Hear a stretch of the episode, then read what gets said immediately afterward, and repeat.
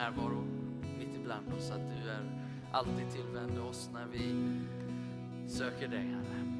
Att när vi närmar oss dig Gud så närmar du dig genast oss Herre. Tack att det är ingen delay på det utan du är där och stiger in här. Tackar dig för varenda person som är här idag som väljer att öppna sitt hjärta, öppna sitt sinne, öppna sitt liv för god far i himmelen. Tack att du drar dig nära just nu.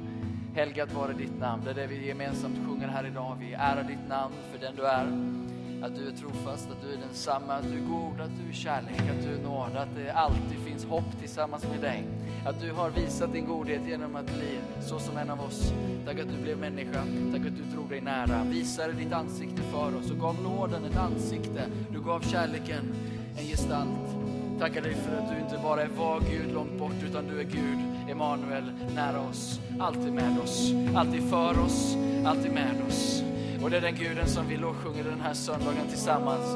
Hur mycket du än förstår av honom, hur mycket du än har erfarit av honom så den här söndagen har du möjlighet tillsammans med oss att tillbe den enda sanna levande guden som är här den här söndagen. Han möter med dig som om att du vore den enda i det här rummet och samtidigt igenkänner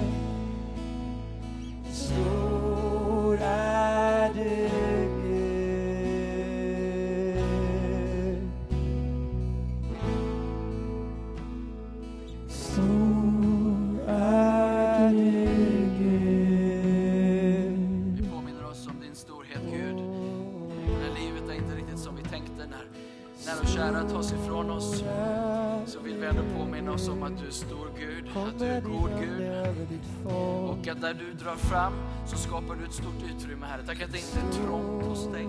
Tack att du inte stänger in oss utan att du frigör oss Herre.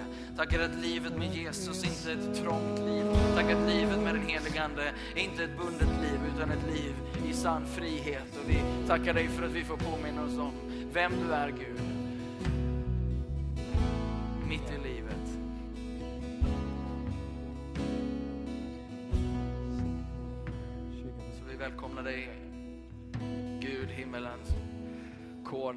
Här söndagen. Och jag ber för min egen del att få dela ditt ord så rent och så rätt som jag någonsin kan. Men mitt i allt det, tala till oss. Mitt i allt det, tala till oss på individnivå. Låt var och en av oss få höra din röst viska in i våra hjärtan. Tala in, trumpeta in det om det så behövs. Men vi vill säga Herre, din tjänare och din tjänarinna lyssnar. Så tala till oss Gud. I Jesu namn ber vi. Amen. Låt så ske. Amen. Innan du sätter dig ner eh, får du gärna ta någon i hand och välkomna till Citykyrkan. Vi gillar det, att få ta hand om varandra. Välkomna hit. Ta någon i hand eller ge dem en, en kram om det passar sig. Så ska du känna dig varmt, varmt välkommen till Citykyrkan den här söndagen. Varmt välkommen.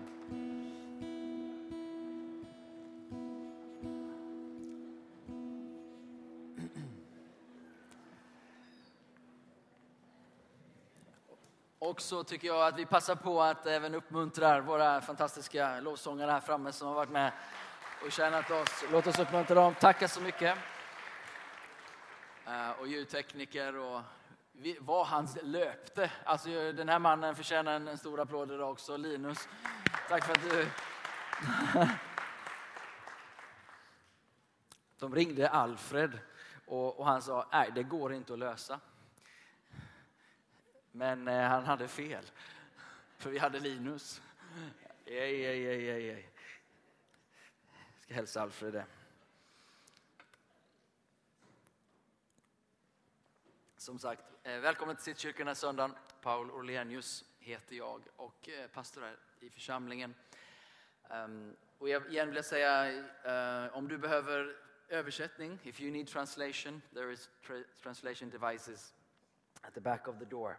Ehm, jag tror att vi har engelska, farsi och spanska idag också. Och det kan du sprida till dina vänner som talar något av de tre språken.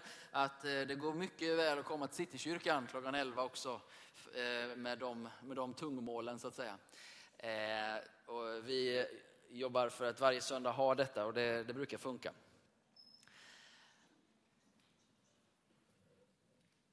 Eh, Och eh, idag så vet jag, på om Alfred, det är en av pastorerna här också, han är i Smyrna just nu.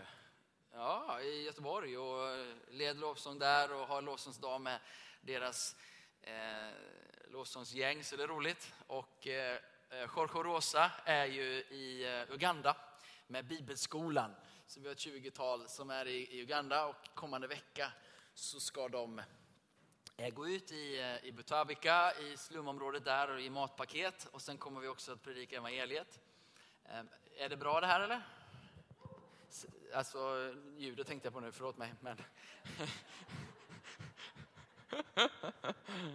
Få med er lite grann sådär. Eh, Kan vi skruva upp lite, eller är det bara min medhörning? Jag känner att jag anstränger mig lite mycket, men vi jobbar på det. Så ja. Eh, De ska den här veckan gå ut i det området. Så är det så att du skulle vilja vara med, stå med i den eh, insatsen för Butabeka från Kampala, så var gärna med och, och ge pengar in i det. Du kan göra det med Swish, eh, skriva Ibios eh, Uganda och eh, ehm, även på bankgirot kan du vara med och göra det.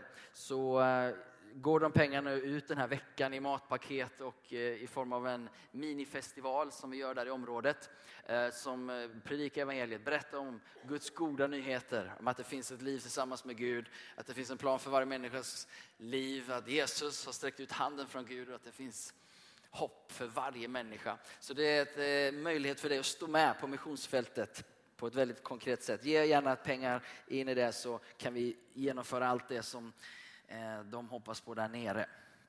Okej, nog om det. Eh, vi är eh, i en serie just nu. Ibland är vi där. Vi försöker liksom länka ihop söndagarna i predikan. Och om tekniken funkar så har vi något på skärmarna här. Och det här är alltså ehm, vad man lite slarvigt kan uttrycka för de fem solarna eller fem solas. Och Eh, Det här är från reformationen, 500 år gamla eh, sanningar eller ännu äldre än så. Men under reformationen så tog man fram fem pelare, grundfundament som har varit med och format den evangeliska kyrkan eh, och påverkat den historiska kyrkan i övrigt också för den delen. Ehm, och eh, kort så ehm, ska vi se.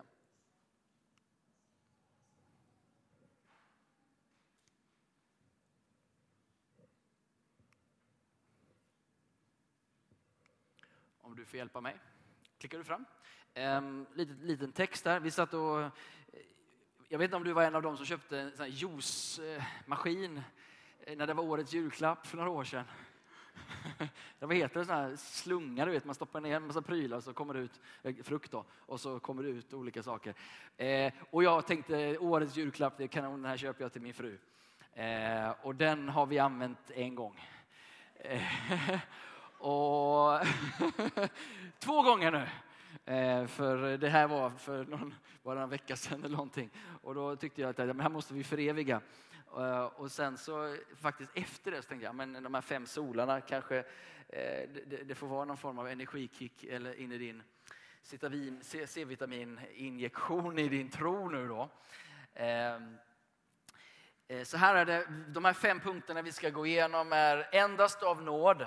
Och på latin är det soli eh, gratia och det är därifrån solarna kommer, eller solas. Eh, Det är fem påståenden som renodlar evangeliet för oss, som renodlar det kristna budskapets grunder för oss, tydliggör det. Eh, och sen försöker vi eh, vandra med de här påståendena och tillämpa dem in i vår vandring och i vår tro. Ehm, och då har vi endast av nåd, det är där vi är nu. Och sen endast genom tro, det är så vi är frälsta. Det är endast av Jesus. Och det är endast på Bibelns grund och det är endast till Guds ära. Eh, jag tycker det här är fantastiskt, liksom bara att få eh, ta bort massa ord och någonstans så står man kvar med, med någonting som är eh, otroligt kraftfullt. Om man förstår vad orden bär för någonting. Språk är ju bara en bärare av, av kunskap eller av, av, av något som vi säger och förstår vi inte vad orden betyder så är det ganska innehållslöst. Så därför så gräver vi lite nu i nåden. Eh, och det här, jag har sagt det för två söndagar sedan, att just det ordet är det som särskiljer kristen tro eh, åt jämfört med andra eh, religioner eller ideologier. Nåd är det som förpackar eller utmärker kristen tro.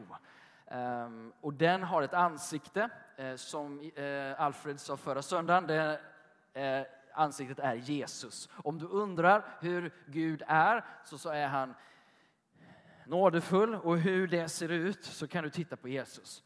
Och eh, där har du ansiktet, där har du berättelsen av hur, hur du kan förstå vem Gud är. Om vi går vidare så kommer vi prata om idag det här. Att frigöra nådens kraft i ditt liv. Um, är, det jag någonstans far efter idag. Eh, och du kan ta nästa del där. För Tyvärr är det så här att det kristna budskapet har, har eh, misstolkats eller missrepresenterats av oss väldigt ofta. Och det innebär att det kristna budskapet inte alls eh, uppfattas som något kanske livgivande ibland. Det kanske inte alls upplevs som en eh, sprakande av liv eller utrymme. Utan snarare kanske det har varit så, ännu mer i gångna tider kanske, att det kristna budskapet har låtit som någonting som tar bort allt det roliga i livet och boxar in oss i liksom fyrkantiga byggnader som den här. Och, och så ska livet liksom jublas utifrån det. Och ehm, eh, vi ehm, eh, får helt enkelt ta på oss det, eh, vi som kyrka. Eh, därför att när vi tittar på Jesus så var det allt annat än fyrkantigt. Och det var allt annat än trångt. Eh, det var allt annat än tråkigt. Det var motsatsen. Det var eh, mycket utrymme. Eh, och, och, och, det frigjorde människors liv och, och li, eh, livslust och längtan att leva. Det, det, tog människor från de mörkaste delarna av sitt liv och fick, så fick de hopp. Plötsligt så, så, så tändes något i deras ögon och det var faktiskt möjligt att, att leva det här livet. De som hade det mörkast eller jobbigast i livet drog sig desto närmre honom. Alltså det, det fanns liv i hans gemenskap. De som var åsidosatta av samhället, de som var utan hopp, eh, de drog sig till honom. Därför att livet med Jesus är ett frigörande av nådens kraft som, som väller fram på något sätt och från alla håll till den som ställer sig på den platsen där vi kan ta emot det. Är ni med mig? Och, och, och jag vet inte vilken bild du har av kyrkan eller dina vänner har av kyrkan. Men jag har mött en hel del som tyvärr har en förvriden bild av det budskapet som Jesus faktiskt kommer med. Eh, och det innebär i ett postkristet samhälle där många har en bild av vad kyrkans budskap är som faktiskt inte stämmer eh, så har vi en ganska lång väg. Vi har ett jobb att göra. Att, att både tala om vad det nya sättet Eh, eller vad det verkligen handlar om. Men inte minst gestalta, alltså att vara ett återsken av det budskapet. Är ni med? Alltså det räcker inte att gå och säga, nej men det är inte det vi menar. Utan det finns egentligen bara en, ett sätt att, att, att vända det här och det är att vi med våra liv visar på något annat det är att vi med våra liv blir lika Jesus. Så att på samma sätt som vad, vad Bibeln då säger, syndarna och publikanerna, alltså de som var utstötta, de som var långt borta eller ansågs vara långt borta från Gud, de drogs till Jesus. De ville vara nära honom.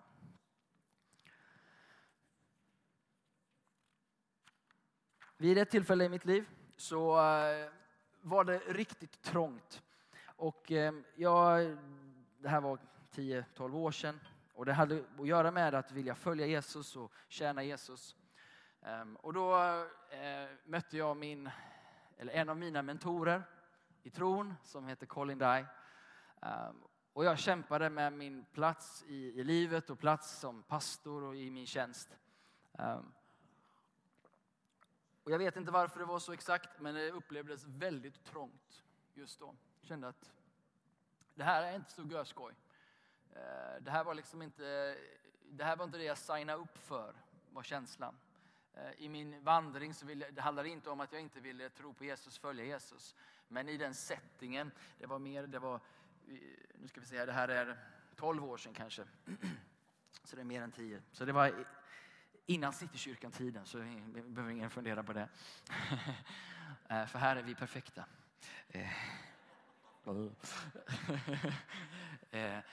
Anyhow, jag, tänkte, jag vill bara säga att det, inte, det har inte med människor som du känner i alla fall. Eh, men det var så, det var olika omständigheter som hade gjort att mitt, det kändes väldigt trångt. Jag mötte Colin där, jag kommer ihåg att jag gjorde det på Kaggeholm eh, slott där ute på folkhögskolan. Vi hade en träff där ute. Och så sitter jag där och berättar min story. Och så tittar han på mig och säger på, you know that there is very few things in life that you really have to do. Very few things. På något sätt så hade jag lurat in mig i en inställning eller en känsla av livet att det fanns så många krav och måsten på mitt liv som jag måste leva upp till för att någonstans vara godkänd, för att någonstans ta mig igenom. Och han i, en mening, Paul, du vet i livet det är väldigt få saker i livet som du verkligen måste göra. Allt annat får du göra. Och så blev jag helt befriad av den, det påståendet. Jag kände att men, för egentligen så vill jag inte fly från mitt sammanhang. Jag vill inte fly, men, men känn, eller jo, Känslan ville fly, men mitt huvud ville inte fly. Men när han befriade mig och sa att du behöver inte vara här, du måste inte göra detta.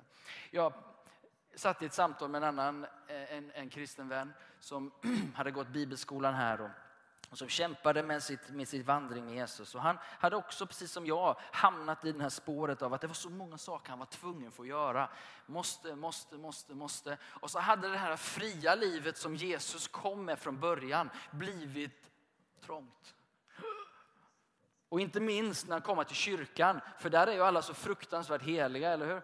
Alla är ju bara helt underbart lyckliga och, och bara, eh, bara seglar fram genom livet. Eller hur? Och komma då och känna sig lite miserable. Känna sig den som inte riktigt levde upp till standarden. Vad händer då? Man orkar inte, man vill dra sig undan. Och till och med det som den mannen hade lämnat av destruktiva beteende och livssituation som var allt annat än uppbygglig. Rent objektivt kunde vi båda säga att det var liksom egentligen inte ett alternativ. Men på grund av att livet hade blivit så trångt i tron på ett eller annat sätt så blev till och med det en flyktväg i huvudet. En lögn, en, ett, en, en, en vända som gjorde att nej men, ungefär som Israel i Egypten längtade tillbaka till slaveriet. Va? Det är ju helt koko. Om jag så. Det är ju liksom helt, det är helt dumt. Va? För jag menar, vad var det i Egypten som var så? Åh, det hade vi våra grytor och Jo, jo, när ni väl hade tid att äta. Men ni skulle göra all den här ler, eh, vad heter det, blocken. Va? Och ni hade ju knappt tid att äta. Men det händer någonting när, när känslan blir trång och man bara känner livet blir... Och plötsligt så börjar man längta efter slaveriet. Den här brodern som jag satt med, jag sa någonting ganska utmanande till honom och sa att lite omformulerat det som Colin hade sagt till mig. Jag sa att, men Släpp taget då. Du måste inte vara här. Du behöver inte vara... Gå tillbaka till ditt gamla liv då. Sa pastorn. Kunde vara eh, ett vågat råd. Men faktum är att det är ju det Jesus hela tiden gör. Han, bara, ja men, han säger till sina lärjungar, ja men ska ni också lämna mig? Alltså det är fullt möjligt att lämna mig. Gör, där, gå. Alltså det är inte som att jag tvingar er att vara med livets första. Det är inte som att jag tvingar er att, att, att vara liksom, i min kärlek och i min nåd. Men det här blir liksom en konstig grej i huvudet. Va? För Herren tar oss in på en plats där han vill förlösa Guds kraft, nåd och liv över ditt och mitt liv. Den här mannen, han, när jag ställde den här, ställ, liksom, sa det till honom så kände jag mig, nej men det vill jag ju inte. Jag vill inte tillbaka till det livet. Han visste mycket väl vad det innebar, att hur destruktivt det hade varit. Men precis som jag så fick jag bara släppa allt den här den inboxade versionen och istället förstå att Jesus, han är full av något annat. Eh, om vi går vidare här så skriver det så här att Jesus från Johannes 1-14, han var full av nåd och av sanning. Vad var Jesus full av? Det var så att det, han var full av de här sakerna. Alltså det, det fanns ett överflöd av de här sakerna. Han var full av sanning. Och om vi går vidare så har jag skrivit så här. Ett fullt mått av sanning i ditt liv gör att du blir fri. Och sen ett fullt mått av nåd gör att du kan leva i den friheten. Jesus kommer med, med fullhet av sanning. Han är inte den som mixtrar och, och försöker få till det och hitta en medelväg. Utan han är fullt igenom sann. Han är som den bästa överläkaren som sitter med dig och ger dig en sann diagnos. Men han är också den som inte bara skickar iväg dig med diagnosen utan han ger dig också det du behöver, det som är lindringen, det som är lösningen. Du kanske har en infektion, det är en viss bakterie och han ser vad det är, han kan sätta ordet på det, eh, han, kan det latinska namnet på det och sen så vet han precis vilken antibiotika du behöver för att komma till rätta med just det som var ditt problem.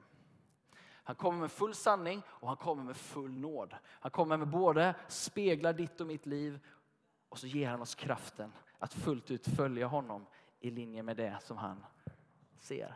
Så att bli kristen, att leva som kristen handlar om att ge Jesus rätten att vara den som är full av nåd och sanning i ditt liv.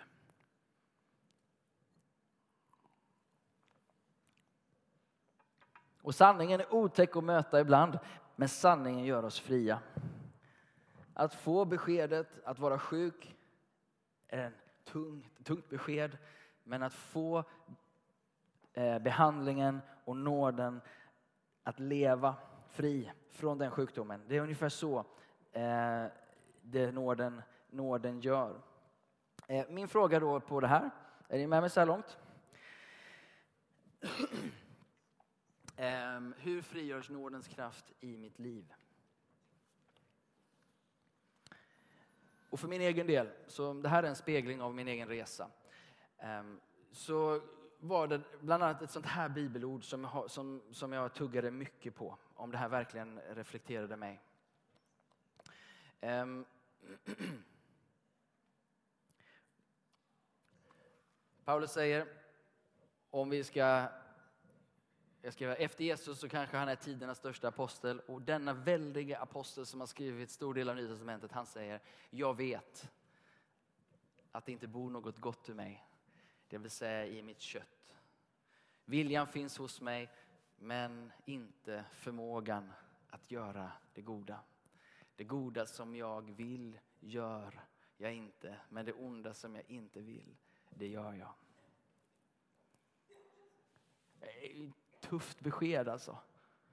Om det är sant och om det speglar oss här idag, individer och tillsammans, att det finns det i våra liv som vi vet mycket väl att det här är inte bra för mig, det här är inte bra för någon annan, det här är destruktivt och ändå gör vi det. Och med den insikten och med den ärligheten, det är då, skulle jag vilja säga, som nåden börjar välla fram i ditt liv. Förstår du vad jag menar då? Någonstans med insikten av att nej men, det här handlar ju för allt i världen inte hur högt jag hoppar eller hur hårt jag strävar. Utan det här handlar om att inse att jag inte kan i min egen kraft nå upp till det. Det är i den stunden som insikten ramlar ner på hjärteplanet att jag behöver Gud.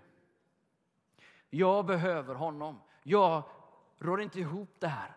Och det är det som är skillnaden på den som lever som en Jesu efterföljare eller inte. Det är insikten om att jag behöver hjälp. Jag behöver honom i mitt liv. Och om det inte vore för nåd så skulle det vara kört med Paul Orlenius. Om det inte vore för hans nåd och ständiga kärlek i funktion, kraft, agerande mot mitt liv så skulle det vara, hopp, jag skulle vara ett hopplöst fall. För jag vet att jag har inte det som krävs. Jag förstår, hoppas jag innerligt, på djupet av mitt hjärta att jag kan inte få till det i egen kraft. Jag förstår att Jesus säger kom följ mig och i den stunden så igenkänner jag att det är omöjligt.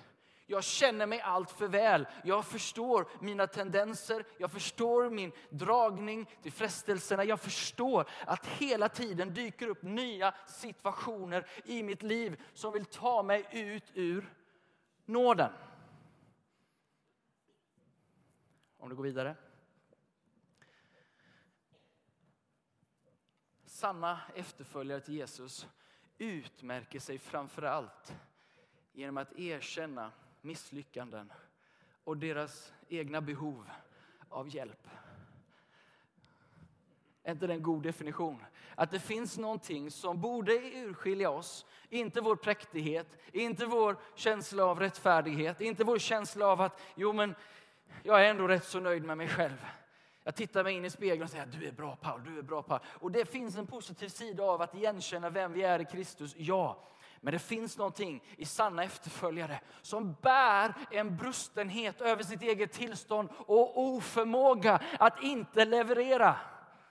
Att inte nå fram, att misslyckas, att, att vara den som tar platsen, att vara den som roffar åt sig, att vara den som, som kräver så mycket. Att vara fast i detta tillstånd för mig in i nåden.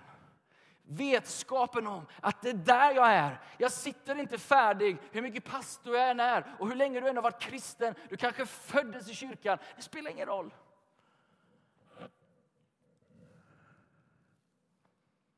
Jag är så tacksam att Jesus såg bortom mina fel. Och han såg min nöd. Och han såg din nöd. Det var det han såg. Han tänkte att det här kan aldrig gå bra alltså. Och det för oss tillbaka till själva hur han skapade oss. Han skapade oss för gemenskap, i gemenskap, att vara en del av familjen. Vi springer bort, gör vår egen grej och där är vi. Han spanar efter oss, han bjuder oss tillbaka. Han säger kom hem min älskade familj. Kom hem mina älskade barn. Jag står här som i liknelsen i kapitel 15 i Lukas evangelium som den förlorade sonen. Han vädjar, han längtar, han, han väntar på dagen där han ska få se det komma hem.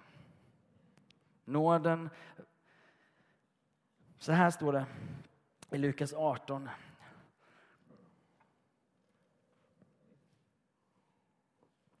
Om du kan gå tillbaka på den rubriken där. Nåden verkar i syndares liv, inte i rättfärdigas. Har vi några rättfärdiga här? Så, hmm, Paul, nu, vad med identiteten i Kristus då? Vi tar den sen. Först där. För några som var säkra på att de själva var rättfärdiga och som föraktade andra. Det är den typen av rättfärdighet vi nu pratar om. Han berättar då, Jesus, den här liknelsen. Två personer gick upp till templet för att be. Två personer alltså gick till kyrkan. Den ene var en farisé och den andra förkastad av samhället och såg som en förrädare. Hade gett sig i lag med, med romarna. Och farisén, den här godtrogna, den gode kristne, självgode kristne, stod och bad för sig själv. Åh Gud, jag tackar dig för att jag inte är som andra människor. Uh roffare, brottslingar, äktenskapsbrytare eller som den där tullindrivaren som står här, svikaren. Det är Judas ibland oss. Men jag å andra sidan, jag fastar två gånger i veckan och jag ger minsann tionde av allt jag får in. Samtidigt står den här tullindrivaren långt borta och han vågar inte ens lyfta blicken mot himlen utan slår sig mot bröstet som på den tiden var en bild på att man slog sig som, alltså som, såg sig som syndare och bortkastad. Och han bad Gud, förlåt en syndare som mig. Och Jesus säger, han gick hem rättfärdig, inte den andra. Och var och en som upphöjer sig själv ska bli förödmjukad, men den som ödmjukar sig ska bli upphöjd. Nåden verkar i syndares liv och inte rättfärdigas. Vad är poängen? Poängen är igenkänningen av vad vi är utan hans nåd i våra liv. Poängen är att, att vi, ja, vi steg in i Guds rike genom nåd dagen vi tog emot Jesus. Men dag två levde vi lika mycket beroende av samma nåd. Dag tre så hade vi precis lika stor eh, stort beroendeskap av hans nåd att han fortsatte att verka. Dag 3051 så är du fortfarande lika beroende av hans nåd. Hallå? Förstår du det? Förstår du att du fortfarande jag vet inte vad jag ska säga. Jo, jag säger, förlåt mig, men förstår du att du fortfarande är rutten? Du bara halleluja. Nu kände jag att jag kommer aldrig mer tillbaka hit i alla fall. Jag sätter mig lite. Förstår du och jag att vi fortfarande har samma tendenser i oss? Så länge vi vandrar på den här jorden så säger Bibeln att det finns en inre kamp och en dragning. Och du är fortfarande lika sårbar inför att bli dragen och bedragen. Om du tror att du är rättfärdig i dig själv, om du tror att du har det, om du tror att du är färdig, om du tror att nu är jag beyond liksom. Jo, nej, nej, men jag är en ny skapelse i Kristus Jesus va? Jag är här för att regera. Ja, och den här behovsbilden, den här förståelsen av din kapacitet som människa i ditt fortsatta tillstånd i den här kroppen. En dag ska du få en ny kropp, säger Bibeln. Halleluja, när jag får en ny kropp. Det är en bra dag. Det är en underbar dag när Jesus kommer tillbaka och ger oss en ny kropp. Men fram till dess så är det en inre kamp. Och hur övervinner vi i den inre kampen? Genom nåden. Det är nåden som fostrar oss att säga nej till ogudaktighet och orättfärdighet i den här världen. Det finns bara en kraft i den här världen som kan göra att du övervinner din frestelse, övervinner synden. Och den ligger inte i dig själv. Förstår du vad jag menar? Du vet de här orden, pastorn sa att jag är rutten.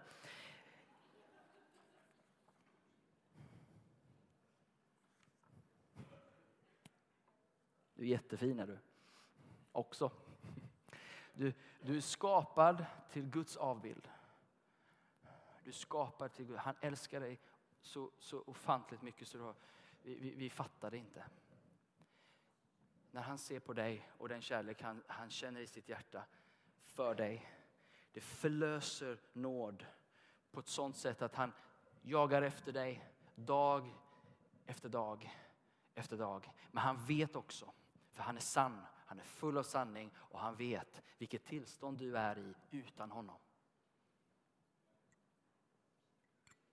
Den sidan av dig utan honom är inte lika vacker. Mänskligheten utan Gud är inte lika vacker. Världen utan Gud är inte lika vacker som den skulle kunna vara. Ett samhälle utan Gud, vilket vi till viss del är. Byggt på evangelium men på väg bort från evangelium är inte ett vackert samhälle. När man går ner och tittar på människovärlden, när man går ner och tittar på de olika friheterna som vi faktiskt har än idag i detta land. Okej, okay. så här säger Paulus. Um, om du går ta nästa bild. Att arbeta sig ut ur nåden. Paulus uttrycker så här i Galaterbrevet, tror jag det kommer här. Ni har kommit bort från Kristus, säger han till dem. Ni som försöker arbeta er rättfärdiga genom lagen. Ni har fallit ur nåden, hemska tanke.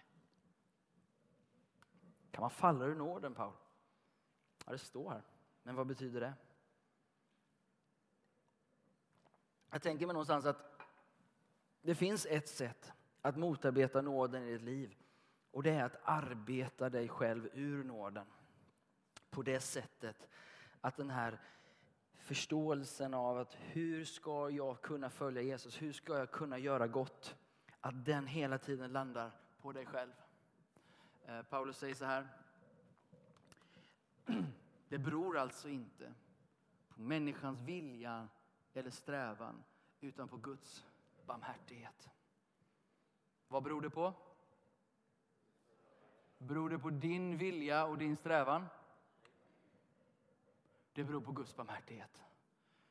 Ja, men vad ska vi göra då? Ska vi bara sitta i kyrkan och sjunga Kumbaya och bara vänta tills han kommer tillbaka? Eller vad är det frågan om?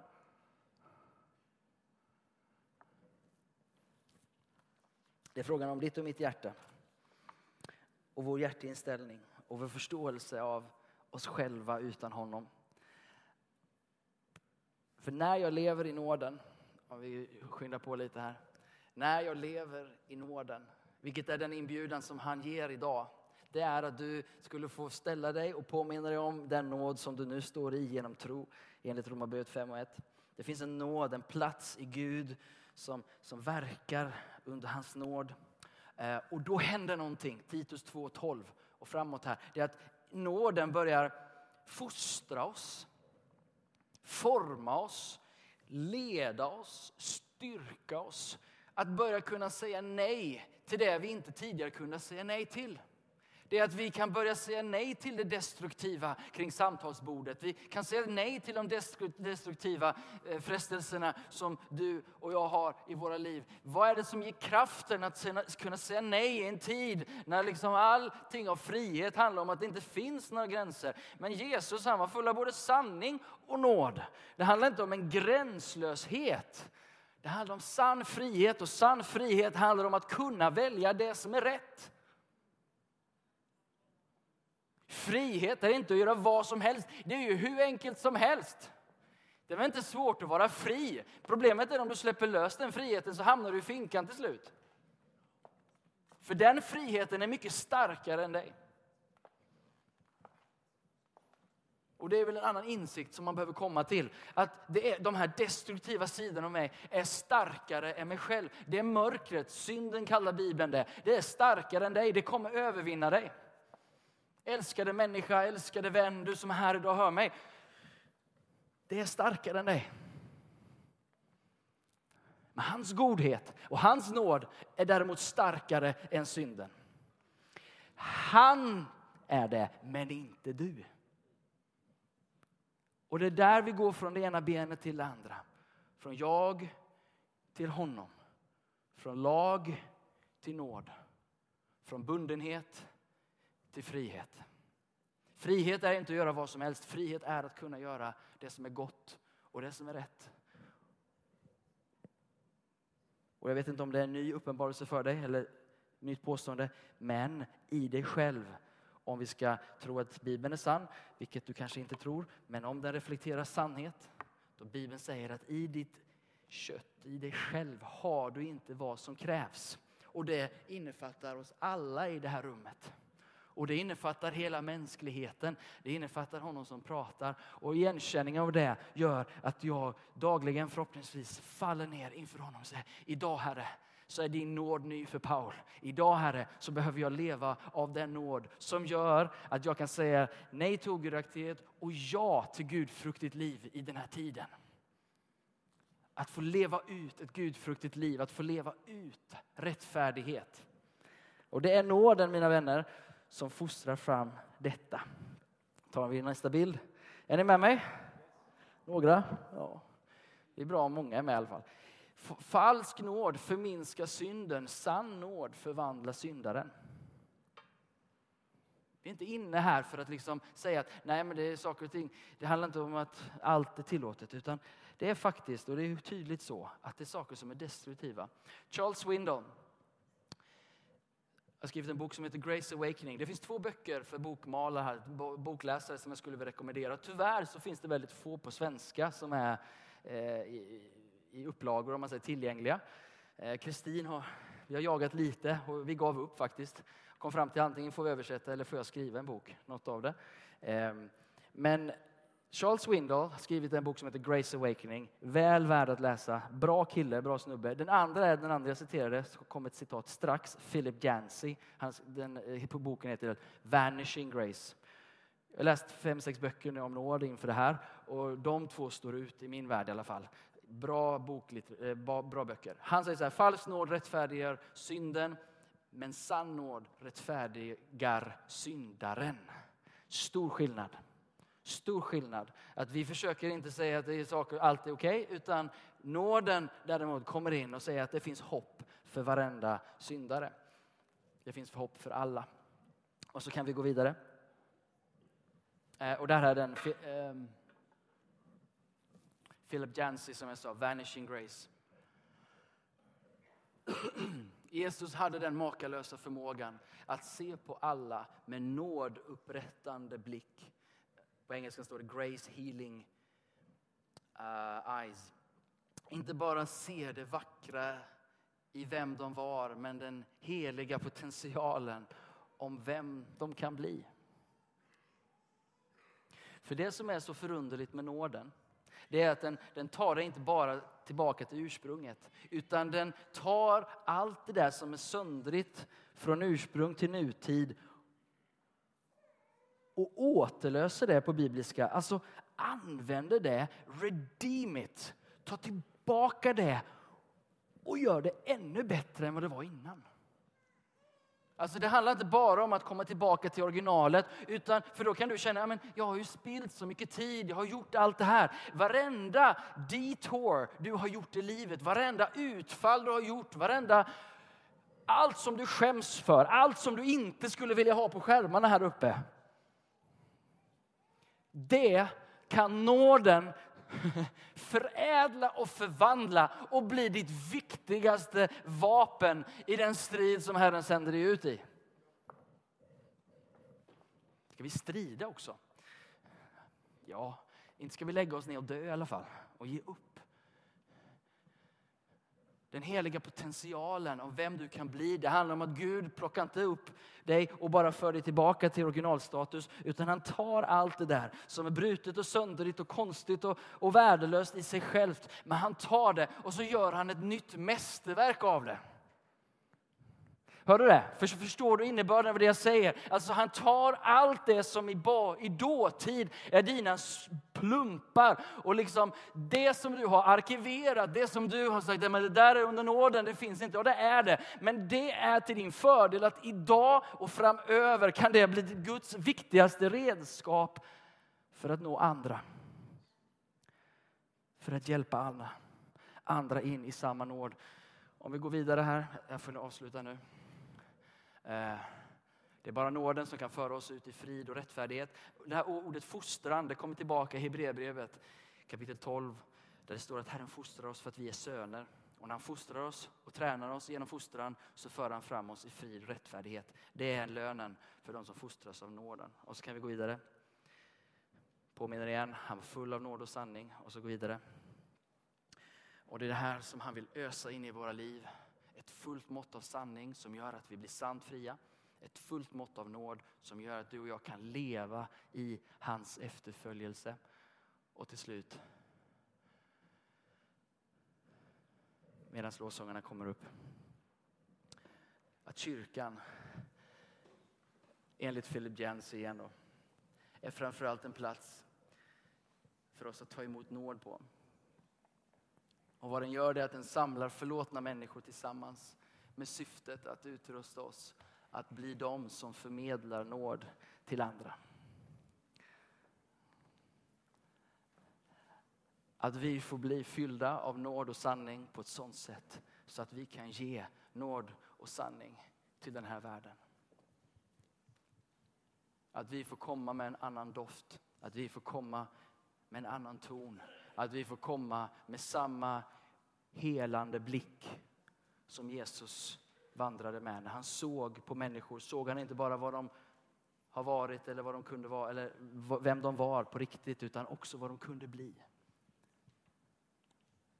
Om de väl tog emot den nåden som han hade att ge för dem. Ska vi stå upp tillsammans?